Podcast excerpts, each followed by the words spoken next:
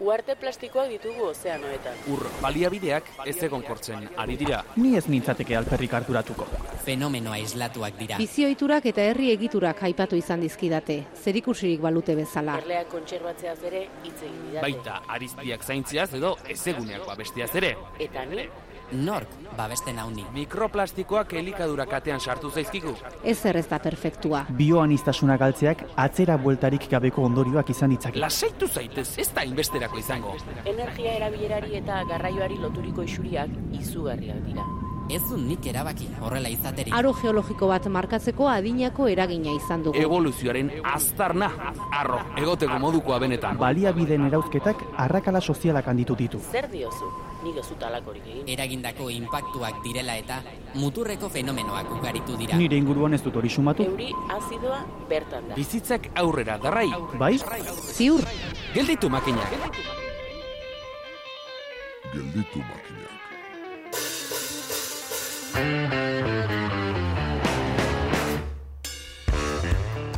Ziur, gaur bertan entzun duzula norbait ez dulka. Aju txiki bat agian, edo lurrak dar-dar egiterainoko astinaldia bestela. Ez dugu alarmistak izan nahi, eta horregatik, udazkena hasierako ohiko otzeria dela sinitxeraziko diogu geure buruari. Baina jakizue, Europak inoizko egazti griperik handiena bizi duela, eta berrogeita zortzi milioi egazti sakrifikatu behar izan dituztela. Oraindik ez omen da gizakietan detektatu, baina aizu, broma gutxi, nork dio bi arrez gaituela osasun sailburuak eriotza behartura konbokatuko, esandakoa, ez dugu alarmistak izan nahi.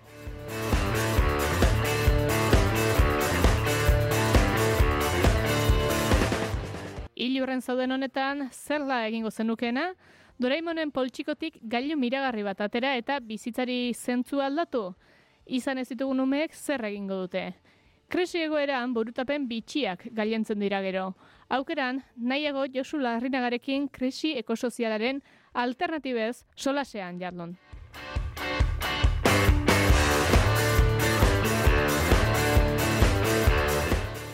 Bestalde, baliteke eriotzaren zain egon nahi izatea eta prozesua aurreratzeko pilula bat hartzea obestea.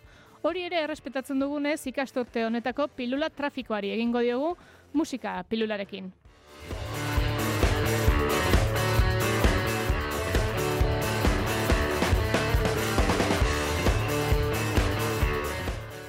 Airean dator gelditu makinak saioaren hirugarren denboraldiko bi hirugarren saioko birusa.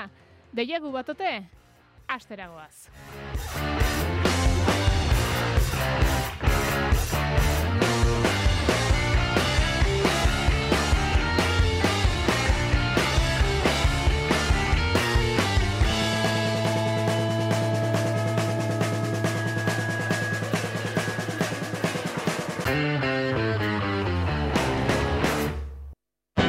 Gelditu makinak, naiz irratian, elipagolarekin.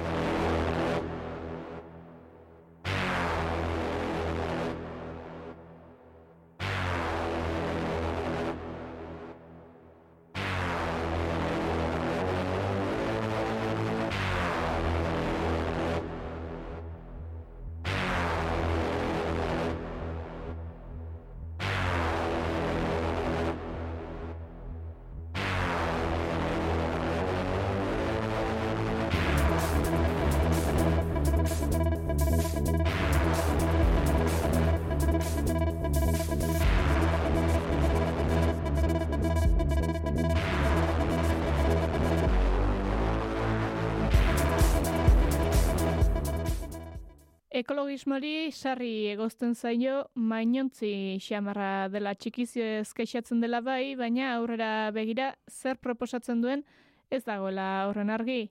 Gaur ez dugu ekologismoaren hauti hitz egingo, nor gara hori horrela ordezkatzeko, baina krisi ekosozialak ze alternatiba izan ditzakeen izango dugu izpide, Josu Larrinaga ekopoleko kidearekin. Ongi etorri Josu. Kaixo, Tira, zuek ere a, ekopoletik krisi ekosozialari alternatibak izeneko jardunaldi batzuk antolatu zenituzten, eta hortik tirako dugu pixka bat, hala ere, egungo egoeran zergatik esaten da krisi hau ekosoziala dela.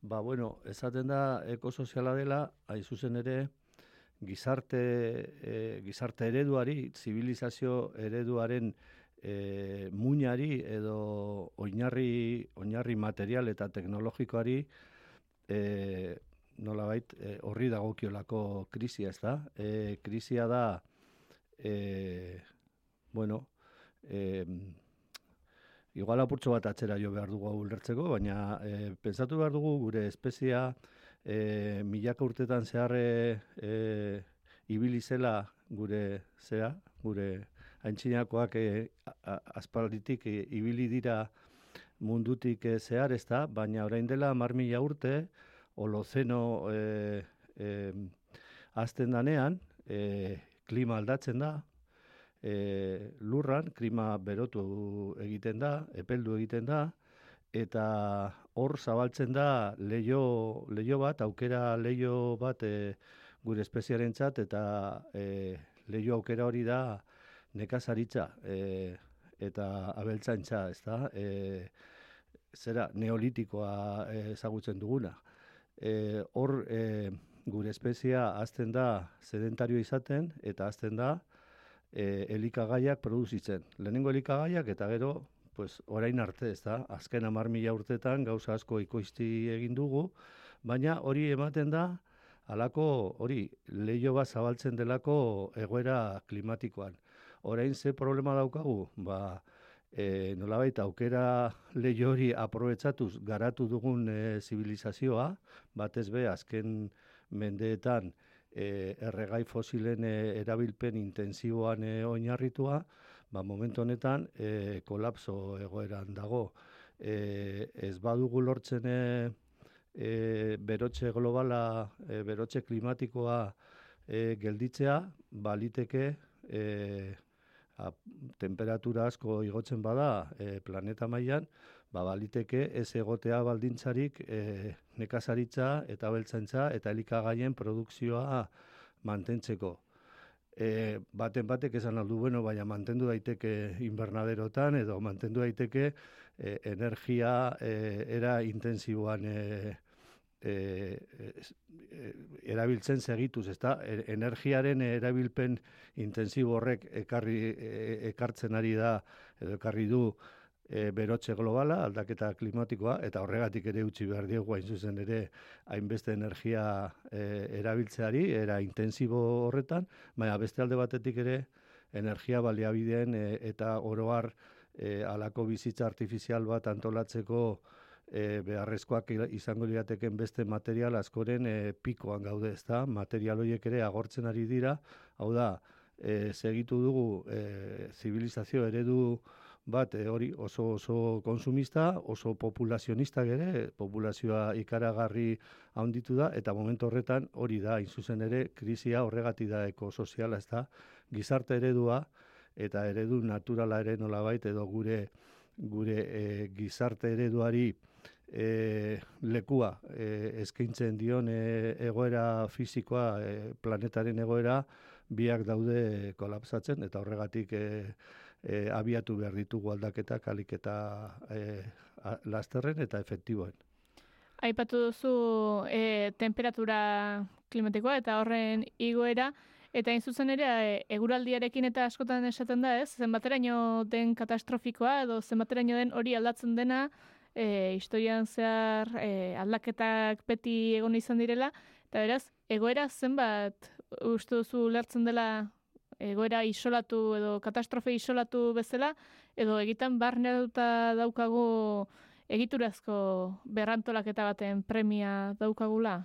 Bai, zaila da gure gure giza kognizioaren e, ba, e, zera, barruan zaila da hain epe luzera pensatzea eta hain ere hain e, e, kantidade edo kopuru haundietan pensatzea ez da, eta askotan horrek sekulako horrek bai eragiten digu berebaldia buruan eta nekea eta eta lagatzen diogu pentsatzeari.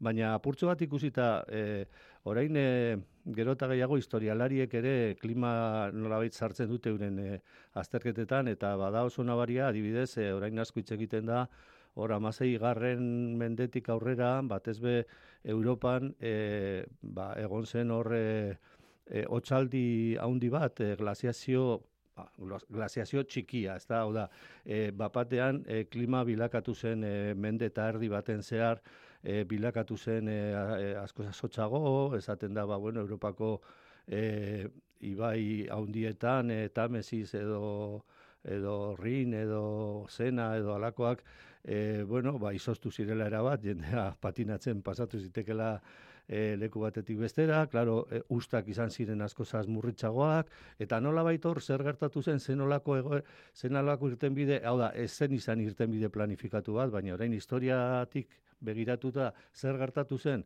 ba, gertatu zen momentu horretan, e, Europako jendea munduan zehar edatu, edatu zela, beste baliabide ekonomiko, e, elikagai eta eta barren e, bila ez da, eta hor nolabait ere e, egoten da, e, kolonialismoaren e, lehenengo, lehenengo fasea hor ematen da, ezta?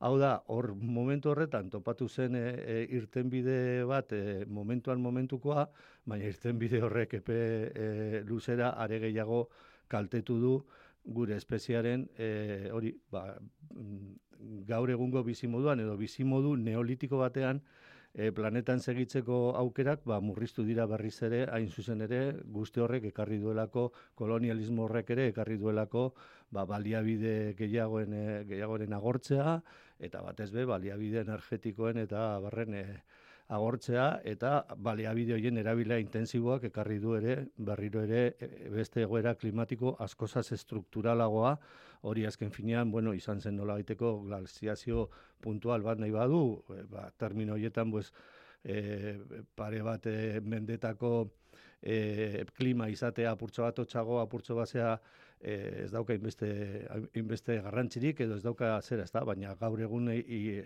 aurre ikusten dugun e, desafioa beste tamaina batekoa da.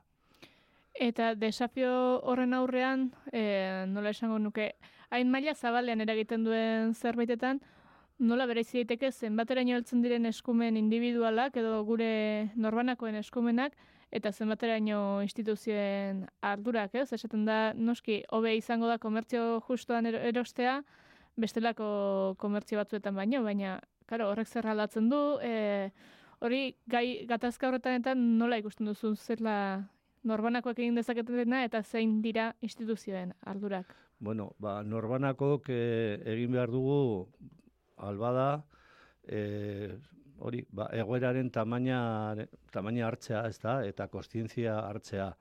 Askotan, norbanakoen eh, kolektibo txiki batzuek eh, kostientzia hori hartzen dutenean, eta horren e, horrekin lotutako e, ekintzak egiten dituztenean, askotan aldatzen dute nolabait egoera, nahiko era, e, azeleratuan esan dezagun. Ez da hori da aldaketa kulturala.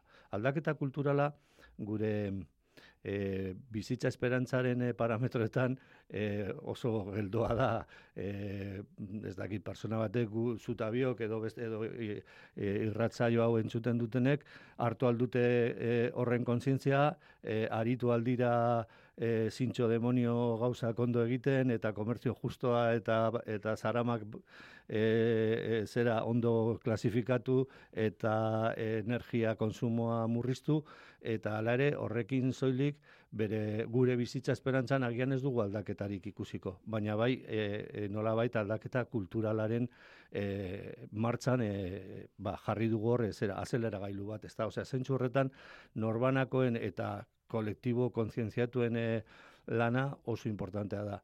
Baina e, ere importantea da oso, hain zuzen ere, ba, gure bizitza kolektiboa nola baita antolatzeko e, aukeratzen ditugunen implikazioa eta e, e, eta askotan ere pensatu e, persona horiek pensatu behar dute nolabait eurei boska eman e, baldin badiegu badela ere agian bost boska eman dietenen askoren e, gustoakoak ez diren erabakiak hartu behar direla. Hau da, nik e, oso kontzientzia altua eukidezaket ez hainbat gauza, hainbat kontu ekologikoetan, baina gero, etxean bakarri nagoenean, agian nagiak e, nolabait gailentzen nau, eta bueno, ba, e, ez dut, e, ez dakit, ez dut itzaliko argi hori utziko dut piztuta gau osoa, sartu nahi zoera, astu zaite amatatze argia ez no altzatzen. agian egon behar da gure gainetik gure nagia gainditzen duen autoridade bat, esaten duena, bueno, gabeko ordu bietan mozten dira argi guztiak eta goizeko zeiretan piztuko ditugu berriro. Izan daiteke egoera hipotetiko bat, baina izan daiteke ere egut. Alako erabakiak e, azken urte hauetan e, konfinamenduarekin, pandemiarak erakarritako konfinamenduarekin, e, ikusi dugu, ez da? Ba, hor e, inorez geuden gustora hartu zen erabakiarekin, baina e, larrituta geundelako eta bildurtuta geundelako, ba, neurre handi batean obeditu egin genuen. Eta, bueno, pues hori egin zuten estatuek, eta, bale, ba, persona antiautoritarioa garenak eta agian ez dugu e, oso gusto handikoa alako gauza gertatzea, baina agian gertatu behar dira, eta agian horretarako ere daude agintariek agintzeko, eta eta nolabait hori ba agian guk e, zera banaka e, onartzen edo hartzen ez ditugun erabakiak e, kolektiboki hartzeko eta segurazki ere e, gure zera, barruko zean, ezango dugu eskertuta egongo gara. Beste ejemplo bat ipintxagatik, orain dela urte batzuk, edo bakatu zanean e, barrukietan eta tabarnetetan eta e, erretzea mundu guztia zegoen e, horren kontra, zen, zein gurritzen zaio, gure askatasuna murrizten da, ez dugu boi dituko, baina gero, eta no konturatu ginen, bapatean arropa askozaz garbiago geneukala, e, zer esanik ez birikiak, eta ba, alako erabaki autoritario eta zena ikusi genuen erabaki oso justoa eta oso zuzena zela, ezta? Eta horrela obeditu egiten dugu bai. E, oso hori guri zibilizazioan oso populazio multzo handietan bizitzen gara, oso era komplejoan antolatu gara eta hori onartu behar dugu ere. E, onartu dugu nolabaiteko gure askatasunaren parte bat delegatzea eta behintzat hori izan dadila e, kasu honetan nolabait erronka zibilizatorio honi aurre egiteko, ez da? Ez, ez ditzagun bakarrik e, e, zeak, e, bori, gobernatzaileak eta e, ez dakit, e, bandera kastintzeko ez ditugu bakarrik aukeratuko, benetan zeo zer hmm. reala eta efektiboa egin dezatela aukeratzen ditugu bai. Zibilizazioa aipatu duzu eta pixka bat neurriet zari garela, nola ez dakit gure zibilizazioa salba iteken, kolonialismoan eta zapalkuntzan oinarritu dagoelako besteak beste eta Europar bizimodua bintzat hori gabe bizi irauteko moduan ikusten alduzu. Eh, gure zibilizazioa akabatuta dago, e, kolapsoan dago, kolapsoan gaude, eta nire ustez hori ja ez dago ere eskutatzerik, ez da? E, e, kolapso hitzarekin eta konzeptuarekin nire ustez ere egon dira e, okerrazko, e, danok igual pensatzen dugu izango dela gauza bate, bu, egun batetik bestera otorrena edo, baina ni goratzen naiz, orain dela urte batzuk, e, ba, bueno, 2000 zazpi, sortzi horretan, e, krisi ekonomikoa zizanean, Lehman Brothers, banko handia, erori, e, erori zanean egun batetik bestera, nik esan hona, bueno, ba, hor daukagu kolapso, kapitalismoaren kolapsoaren e, ejemplo hobeagorik e, ez, ez dugu ikusiko, e, osea, hobeagorik ez dago, eta ni pensatzen, eta nik agian nire bizitzan ja ez dut beste ejemplo hobeagorik e, ikusiko, eta etorri zen e, pandemia, eta etorri da Ukraniako gerra, eta, osea, nola bai, kolapsoaren seinaleak ere, e, gero eta agiago eta gero eta aceleratuago eta gero eta maizago direla. Ez orduan,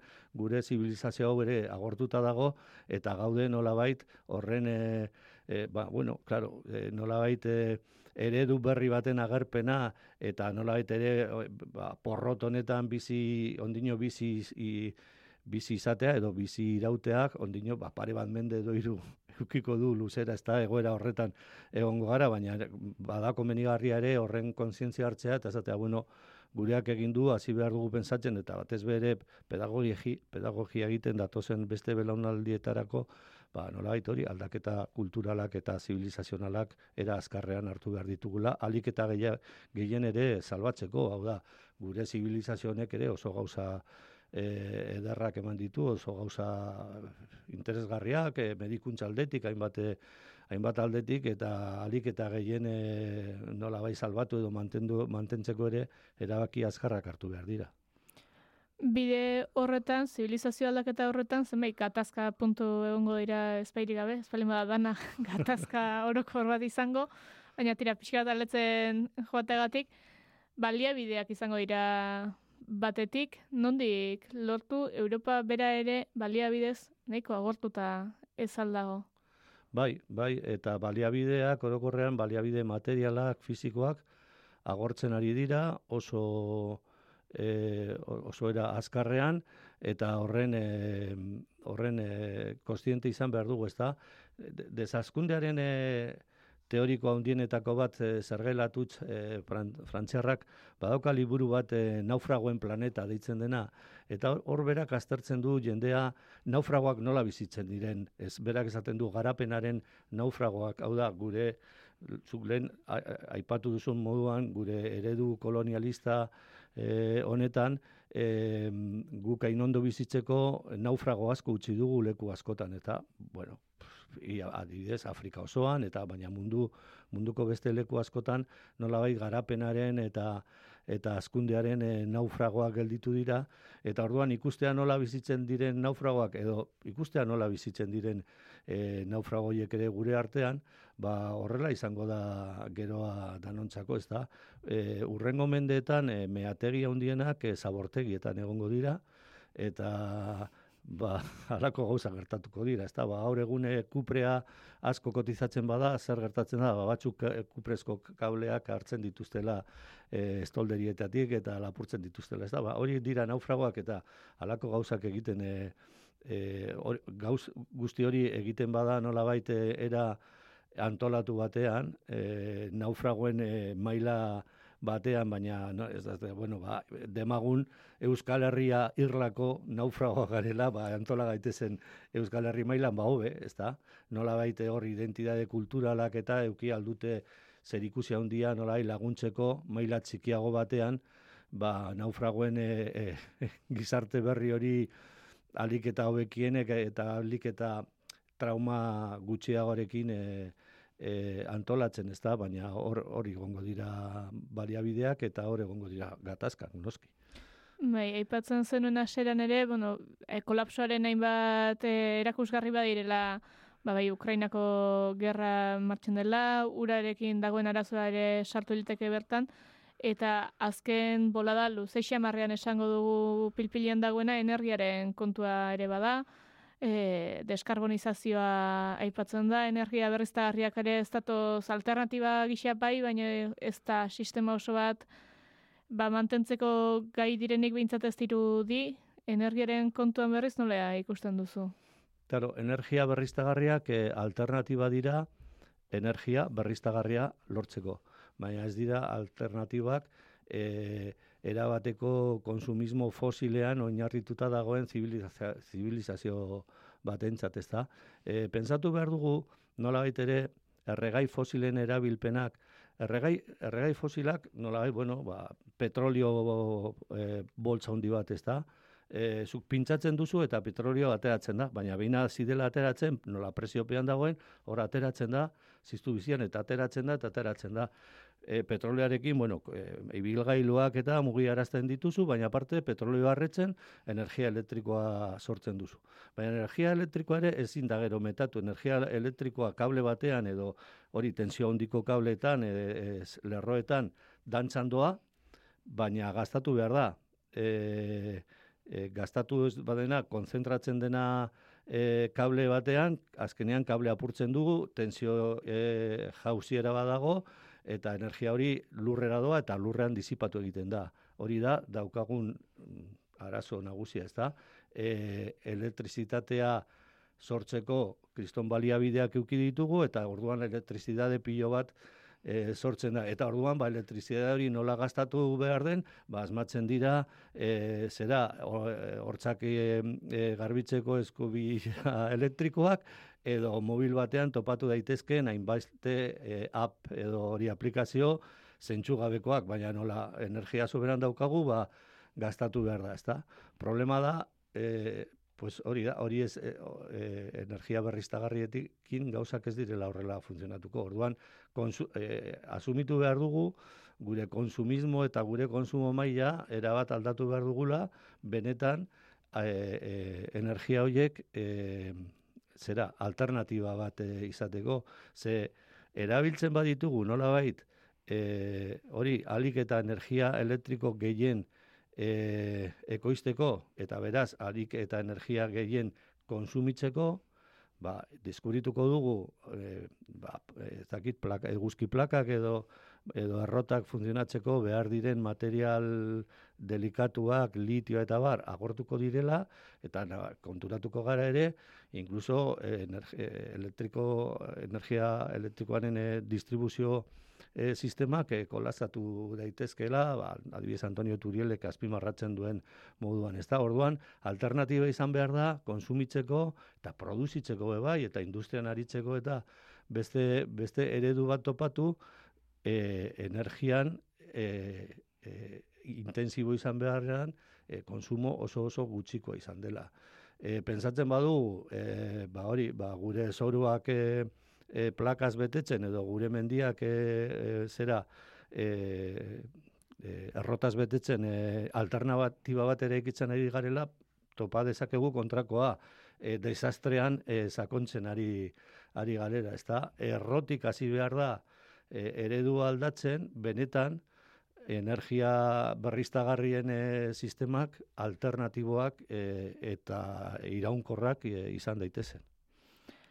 Kasu horretan, alternatibak bilatze horretan, eta bestelako gizarte antolamendu bat beharko balitz, horrelako gauzak ez dira, horrelako kontuak ez dira utxetik hoi, edo ezkara bakarrak izango egoera honetan, eta esango zenuke, badagoela eredurik edo zibilizazio antolamendurik, non eredu gixartu ditzazkegun antolaketa antol alternatibo baterako. Claro, kontua da, erregai fosilen erabilpenarekin, eta hori da, nola baite, meretzi garren bendetik aurrera, gaiendu da mundu osoan zehar, e, zibilizazio eredu bakarra ezagutzen duguna, ez da, gudano bizi garena, ez egia da, ez garela berdin bizi hemen, edo Burkina Fason, baina nolabait eredu zibilizatorioa berdina da eta ja mundu osoan zehar e, edatu da, e, ni orain hemen esaten ari nahi zen, adibidez hori, energia e, elektrikoa zagutzeko eta eta bar. Orduan, hori baino lehen, hori baino lehen, e, gizateriak inguramenaren arabera oso e, e, eredu, oso gizarte eredu e, diferenteak zeuden, ezta? Leku batzuetan, ba zeuden e, nekazariak. E, leku lau eta ondo e, zera, ondo e, zera, ur, askorik zeukatenak. Baina hanen beste, honen beste ur zeukaten beste leku batzuetan, zekanoko nekazaritza praktikatzen zen. Himalaiako mendietan, e, trasumantzia eta eta e, al, eta ganaderitza praktikatzen zen, baina oso e, maila txikian e, eta ba, persona batzuk etengabe mugitzen ari zirela. E, Himalaian edo Kantabrian ere egonda alako eredu, ganaderitza eredu trasumantea. E, askotan, gizarte, alako gizarte tradizional askotan, sekulako e, sistema kulturalak egon dira, ba, eta batzuk oso traumatikoak edo mingarriak, populazioa e, e, oso bajua mantetzeko, adibidez, e, feminizidioa, e, neska gazten e, hilketa, ez da, neska jaio berrien, e, zera, ba, hori leku batzuetan izan da, e, e, izan da patriarkatuaren e, e, zera, islapen bat noski, baina izan da ere populazioa txiki mantentzeko prozedura bat. Dik ez dut ez daten alako prozedurak, baina dinot, e, e, eredu kulturalak horrela izan dira anitzak, eta askotan tokian, tokiko, ba, baldintza ekologiko eta baldintza material eta fizikoen arabera. Problema da, gure e, hori energia zautze honekin pensatu dugula, baldintza lokal horiek e, gainditu alditugula eta berdin bizi gaitezkela leku guztietan. Nik uste dut, e, geroan berriro tokian tokiko e, bizimoduek eta eukiko dutela garrantzia eta eukiko dutela garapena eta leku batzuetan biziko gara modu batez eta beste leku batuetan e, beste, beste modu batez, ez da, pues, e, ez dakit, ba, herriosan ondino ardo asko egingo da, baina agian gipuzkoan hainbeste txakolina ez da egingo lurroiek beharrezkoak izango direla, ez dakit, igual e, zera eguzki zoruak ipintzeko, edo eta patatak ipintzeko, edo nik dakit, baina segurazki, e, askozaz gehiago euki beharko dugu, euki beharko dute. E, hortan e, kokatzen direnak, ba, hori, tokian tokiko e, baldintzak, ez da? Eta baldintzak izango dira diferente, eta ez dira izango gainera egon direnak. Baldintza klimatikoak izango dira berriak ere, leku askotan. E, baina, bueno, lengo jakinduria eta lengo antolakuntza guzti horietatik ere, alik eta gehien gordetzen badugu, ba, alik eta ere klabe kultural gehiago ukiko dugu bizimodu berriak antolatzeko. Baina zaila da, niri behintzat oso zaila egiten zait pentsatzea momentu honetan, pues, alako hori eredu edo bizimodu zibilizatorio global bat eh, pensatu dezakegula, hori hain zuzen ere, segurazki hor, horretan datza e, gure hankasartze zibilizazional e, funtsezkoen e, zera, ez da, arrazoia. Eta hain zuzen ere hortik, atzera egitea zaila dela kontuen hartuz, eta eta mundua txiki zaigun honetan, globalizazio hori ekidin daiteke? Globalizazioa, globalizazio hori nire berez ere, ba, kolapso aurrera di joan, di joan e, neurrian, e, globalizazioa eteten ari da, jadanik de hecho, ezta? E, gerota kezka gehiago dago, orain, e, nola baite, industrian eta, e, zera, e, suministroen e, kate luzeekin, E, hori izan da oso kontu kojunturala pare bat amarkadatan e, e, gaien duzena.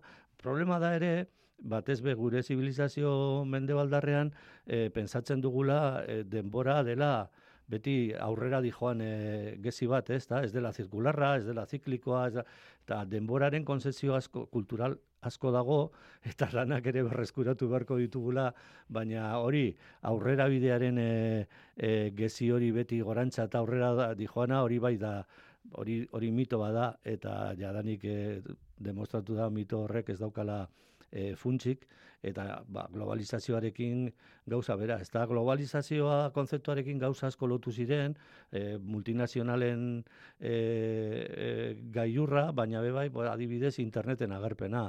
Eta orduan, ba, nola bai, pakete haundi horretan, ba, askotan globalizazioa e, gauza miresgarri eta positibo baten, orokor baten moduan hartu zen.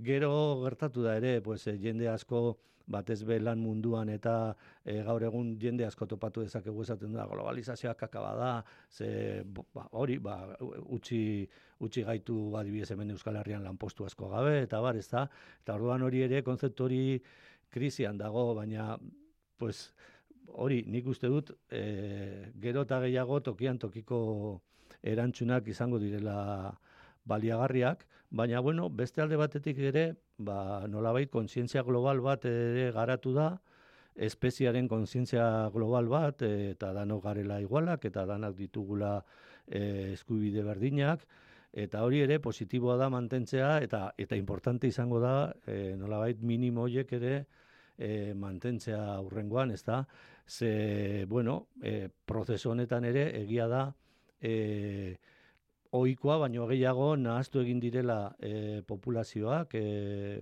ba hori tokian tokiko populazioak ere ba, askozaz gehiago nahaztu dira, zabaldu dira, e, gu mugitu gara mundutik eta mundutik ere etorri zaigu jendea, eta hori ere geratuko da, eta geratuko da lehenengo e, amarkadetan, mendetan, era traumatiko batean, e, jende refusiatu klimatiko asko, eta nola ere, e, globalizazioaren aldetik hori bai, ba, nolabait kontzientzia global hori eta e, iritar globalaren e, kontzientzia mantentzen badugu hori onuragarri izango da.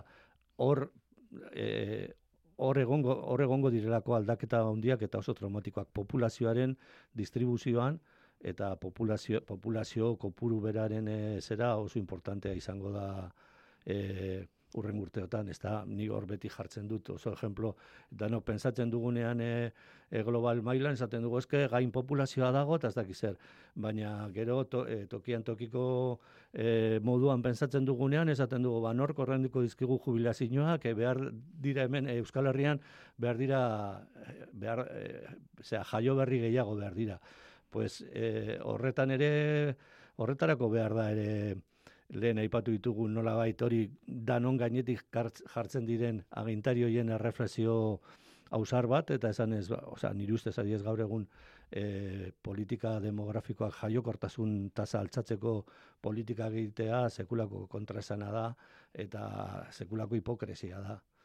Eta horretaz ere pentsatu behar dugu. Eta horretaz ere pentsatu behar dugu adinan sartzen garenok, ba, e, ia nahi dugun danok e, e, hemen askotan ez da ekologismoan eta e, e, egiten da txiste, txiste hori edo bueno edo deskalifikazio hori martera bizitzera joan naiz e, izaten duen e, jende hori ba doazela e, martera. Ez da ba bueno baina egun urte bizi nahi duen jende horrek ere bere kabuz bizi dadila edo aber nola egingo duten eh? zenbat urte bizi nahi dugu eta ze baldintzetan e, hor ere hausnarketa batzuk eta alternatiba batzuk topatu beharko dira. Hmm. Poliki polikia pixka bat e, goera ez da utopikoan edo jartze aldera edo, baina demagun kolonialismotik eta zapaljuntzatik askatu garela, baliabideak ere aldatu ditugula, globalizazioa gainberan joan eta desagertu zela. Euskal Herria nola biziko da edo nolako bizitza ikus dezakegu Euskal Herri mailan demagun? hori planteatu duzun eh, panorama hori Doraemonen pelikuletan zen da oso ondo ez da. Bazen pixka bat, bueno, eh, ba, askotan katastrofikoa, dena bilun jartzen dugu, eta esan ba, Jesuri eh, jarko diote panorama eder bat, ez, ba, bai, eta ederra gelditu da, eh, nik hori esan nuen, ba, ni, ni Doraemonen pelikuletan hori gertatzen da beti, baina trak, eh, alako, e, zera irtenbide teknologiko magiko bat e, topatu dutelako, ez hori ez da gertatuko. Baina Euskal Herriari buruz nik zer esango nuke, orain e, genetistek eta esaten dute, hain zuzen ere, e, olozeno azten danean, e, azken glasiazio handiaren ondoren, e, hemengo orduan hori hau ezen deitzen e, Euskal Herria, eta ez dakigu ze nolako e, izkuntza mintzatzen zen, ez da makaiu pilpilean egiten zen, ez da aletik eta realekoak ziren, ez dut uste izango zirenik, ez da? Baina hemen bizi zen, bizkaiko golkoko, hori ingelesez gulfo bizkai, e, horrela ditzen zaio nola baite, e, zera, kantauri itxasoko izkina honi, hortik e, hemendik abiatu zela, E, adibidez, e, Bretainiako, Bretaña hondiko e, irlen e, bir populazio bat hau da, e, esperientzia horrek esaten digu nolabait lurralde hau badela babes lurralde bat edo izan dela beste momentu batzuetan. Ez dakit ere, hori zagardoagatik edo makaioagatik den edo beste kontu kontuengatik, ez da? Bueno, garai horretatik, hau da, neolitiko horretik egiten diren induzketetan eta e, a, jendearen e, dieta nagusia marizkoa zen. E, hor induzketak egiten dituztenean eta zabortegitan batez be mm. marizkoa oso oso anitza zen eta orduan itxas ondoan bizi ziren e, bizi zirenak batez be jaten zuten e, marizkoa ezta bueno orduan igual e, urte asko pasatuta e, marizko jango dute hemen Euskal Herrian baina baina horretarako berreskuratu behar da marizkoa itsasoan ezta era bat agortuta edo ia, ia dagoena. Orduan esan nahi dut alde horretan, ba, nik uste dut Euskal Herria izango dela babesleku bat, eta zentsu horretan, ba, norbait biziko da hemen, eta e, ere Euskal Herriak dituen baldintza batzuen gatik, kultur baldintza batzuen gatik, e, lurraldearekiko e, e, mirizpena, e, lurraldearekiko kompromisoa, e, bebai e, nola baite ekintzailetzarako eta emprendizajerako dagoen e, kulturagatik, e, esan nahi dut, bueno, goiener ere kultura horretatik sortu da, ez da, ejemplo bat ipintzagatik, ba nik uste dut, izan daitekela leku bat, non gauzak aldatzen joan, daitezkeen pizkanaka eta gauzak oberatzen e, arrokeriak apartu txita, e, bada urte asko hemen e, e, kulturalki, ideologikoki, edo behintzat hegemonia politikoan e, neoliberalismoa e, horre ezarrita dagoela, baina neoliberalismoa erabat gaindituta dago eta porrotegin da dago, orduan hortik sortu daitezke alternatiba interesgarri batzuk. Batez be hori tokian tokiko tasunagatik, lurraldearekiko hori konpromesoagatik, eta gauzak pizkanaka joan daitezke ondo egiten. E, hemen ere e, egin diren ikerketa guztietan eta e, historikoki ekologismoa eta bertzaletasuna lotuta daude eta eta ni ustez lotura hori probetzagarria eta interesgarria da. Ezta? Nik uste dut hogeta bat garren mendea neurre handi batean ekonazionalismoaren e, mende izango dela, baina ekonazionalismoa oso arras bilakatu daiteke ekofastismoa eta hori ere da zaindu beharreko, bueno, lehen aipatu ditugun ere kontzientzia global eta ba, balio e, humanista horiek e, e, bultzatuta, ba, hori da ere zaindu behar den elemento bat, e, gauzak ondo bidean. Ba, gauza kondo bidean hori edenak landu egingo ditugu, seuraski ez dakit ikusteko ailegatuko garen edo ez, baten batzuk agian, bai. Eskerrik asko Josu gurean izateagatik eta jarraituko dugu gaiari, ba, begiratu zorrotzarekin. Bale ba, aurrengo arte. Gelditu makina. Sarreran aipatu dizuegun bezala, aurten ere pilulak izango ditugu, eta pilulen saila zabaltzeko musikari egingo diogu tartea. Horretarako, aurtengo aditua deituko diogu edo, aritua bintzat bai, Iker gurrutxega lankidea dugu, ongi etorri Iker. Kaixo, zer moduz? Ongi, zuere bai? Ondo, ondo, ja martxartuta. Martxartuta, bikain. E, ala izango da, e, gai ekosozialak edo izpide izan ditzaken kantuak eskatu dizkizut. Bai. Eta gaur duzu lehen proposamena.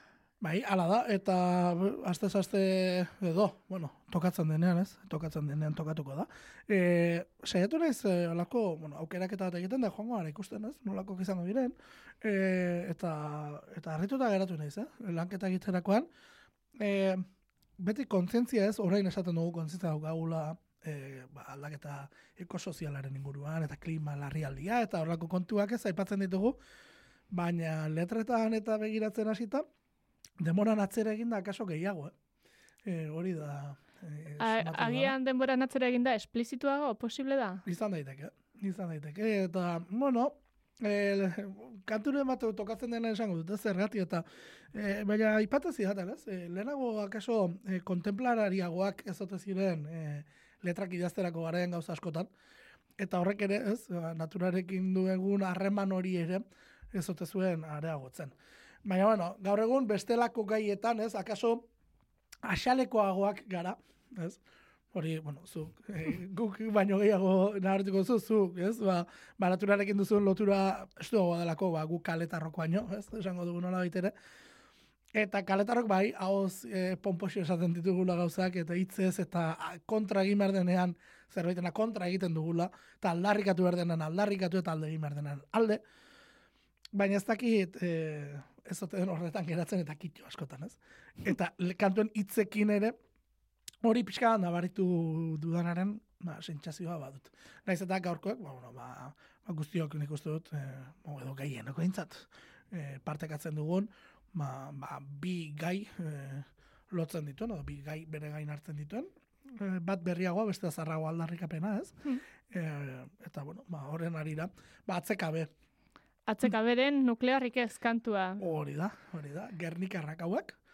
E, bueno, Taupak elkartearekin atele dituzte bi disko, 2000 eta ma bostean lehen da biziko ametsu baten historioa dituriko, bigarrengoa gure bideo dituriko amazazpian. Taupak elkarte esango du Bilbo inguruan, bueno, Bilboko zigilua dela, baina bai komunitate moduan funtzionatzen duena, e, bueno, ba, nik uste dut, e, ba, gelditu makinaken, aipatzen diren hainbat eta hainbat gairen ba, inguruan gogoeta egina dutenak, e, bueno, ba, krisi sozioekonomiko eta klimatiko eta guztiari ez, nola heltzen dioten, eta, eta bueno, ba, justu, ba, kantu hau, e, zilu horren pean ateratzea, zait hain arraro egiten. Hmm. E, aipatzen du nuklearrik ez, baina aipatzen du baita ere kantuan frakinik ez. Horregatik esaten dut ez, e, ez dakit amagosteko edo mazazpiko justu kantu hau, eh? Baina, baina lotura baduela, ez? Ba, garaira, ez? Nola egokitzeko kaitasuna badugun kaleta arrok gauza horietan, ez? Garaian garaiko horrelako eta bai, beste gauza batzutan lakaso ez, beste ez? Baina, baina, bueno, ba, ba, frakinaren gai ere hor dago badirudi mm, luzaroan berriz ere aktuala izango dela, ez da? Bai, itxura, itxura guztia hartu diot, eta horregatik, e, ba, hemen zerrandan sartzarena. Ba, entzun egingo dugu, atzeka betaldearen nuklearrik ez.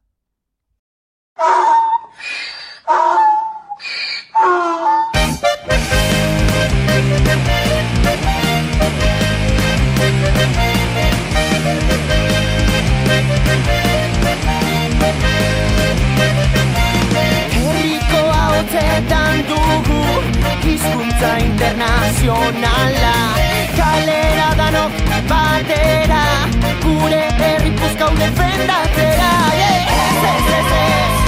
Ez, ez, ez, ez ez, ez, ez, ez, Frakinik ez, ez, ez, ez, ez Nuklearik ez, ez, ez, ez, ez, ez, ez Frakinik ez Zuen lurzorua garbi daude Gure orduak suntxituta caballo regalado, no mires diente, mientras tengo yo en Suiza un millonario. Ese, ese, ese, nuclear y que ese, ese, ese, fracking y que Fracking y qué es.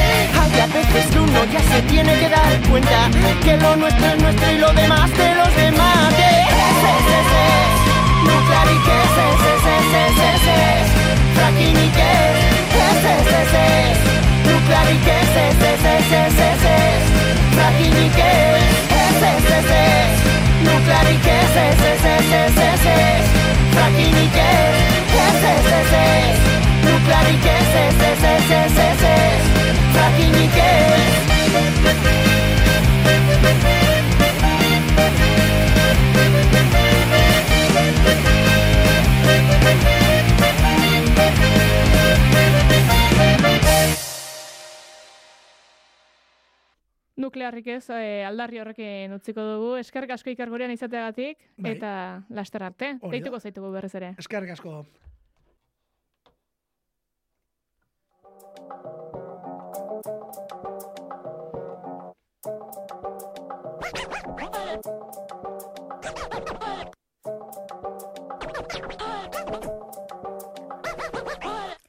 Aslanım ayakkabıya kendi bu cekafıya Eta Iker agurtu bezala, zu ere agurtu egingo zaitugu entzule.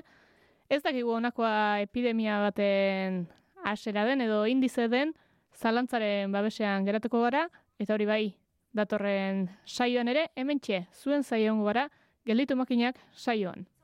Savaş değil, sövüş değil, dövüş değil, hadi aşk aşk yapalım, hadi. Dibilik dibilik demedik, dilini de dişleyemedik. Yorgan bulmadık ağız Ellere ellere yamadık Dibidik dibidik demedik Dilini de dişleyemedik Yastık yorgan bulmadık ağız Ellere ellere yamadık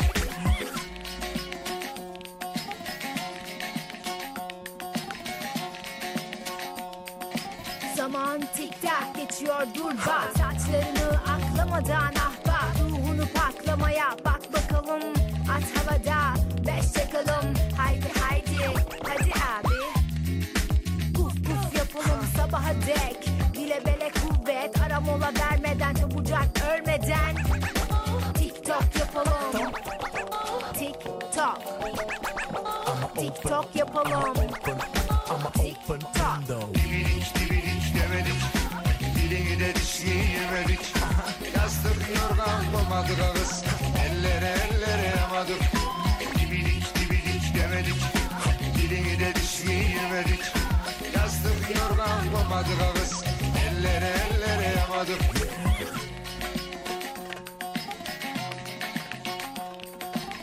O yaka bu yaka sözler hep tukaka Ne bu deve kini bırak bu disi İşin yiyebileceğin lokmayı ısırsan en iyisi. Mücadelende sakın çekip gitme. Şehir hayatı şizofrenik depresif yenik. İki pembe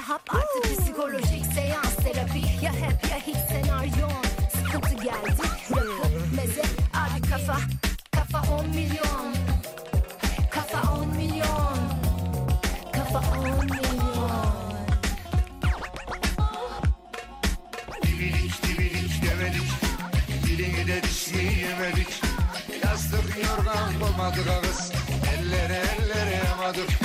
Dibidik dibidik demedik. Dilini de düşmeyemedik Yastık yorgan koymadık ağız Ellere ellere yamadık. Dibidik dibidik demedik. Dilini de düşmeyemedik Yastık yorgan koymadık ağız Ellere ellere yamadık. Dibidik dibidik demedik. Dilini de düşmeyemedik Yastık yorgan koymadık ağız Ellere ellere yamadık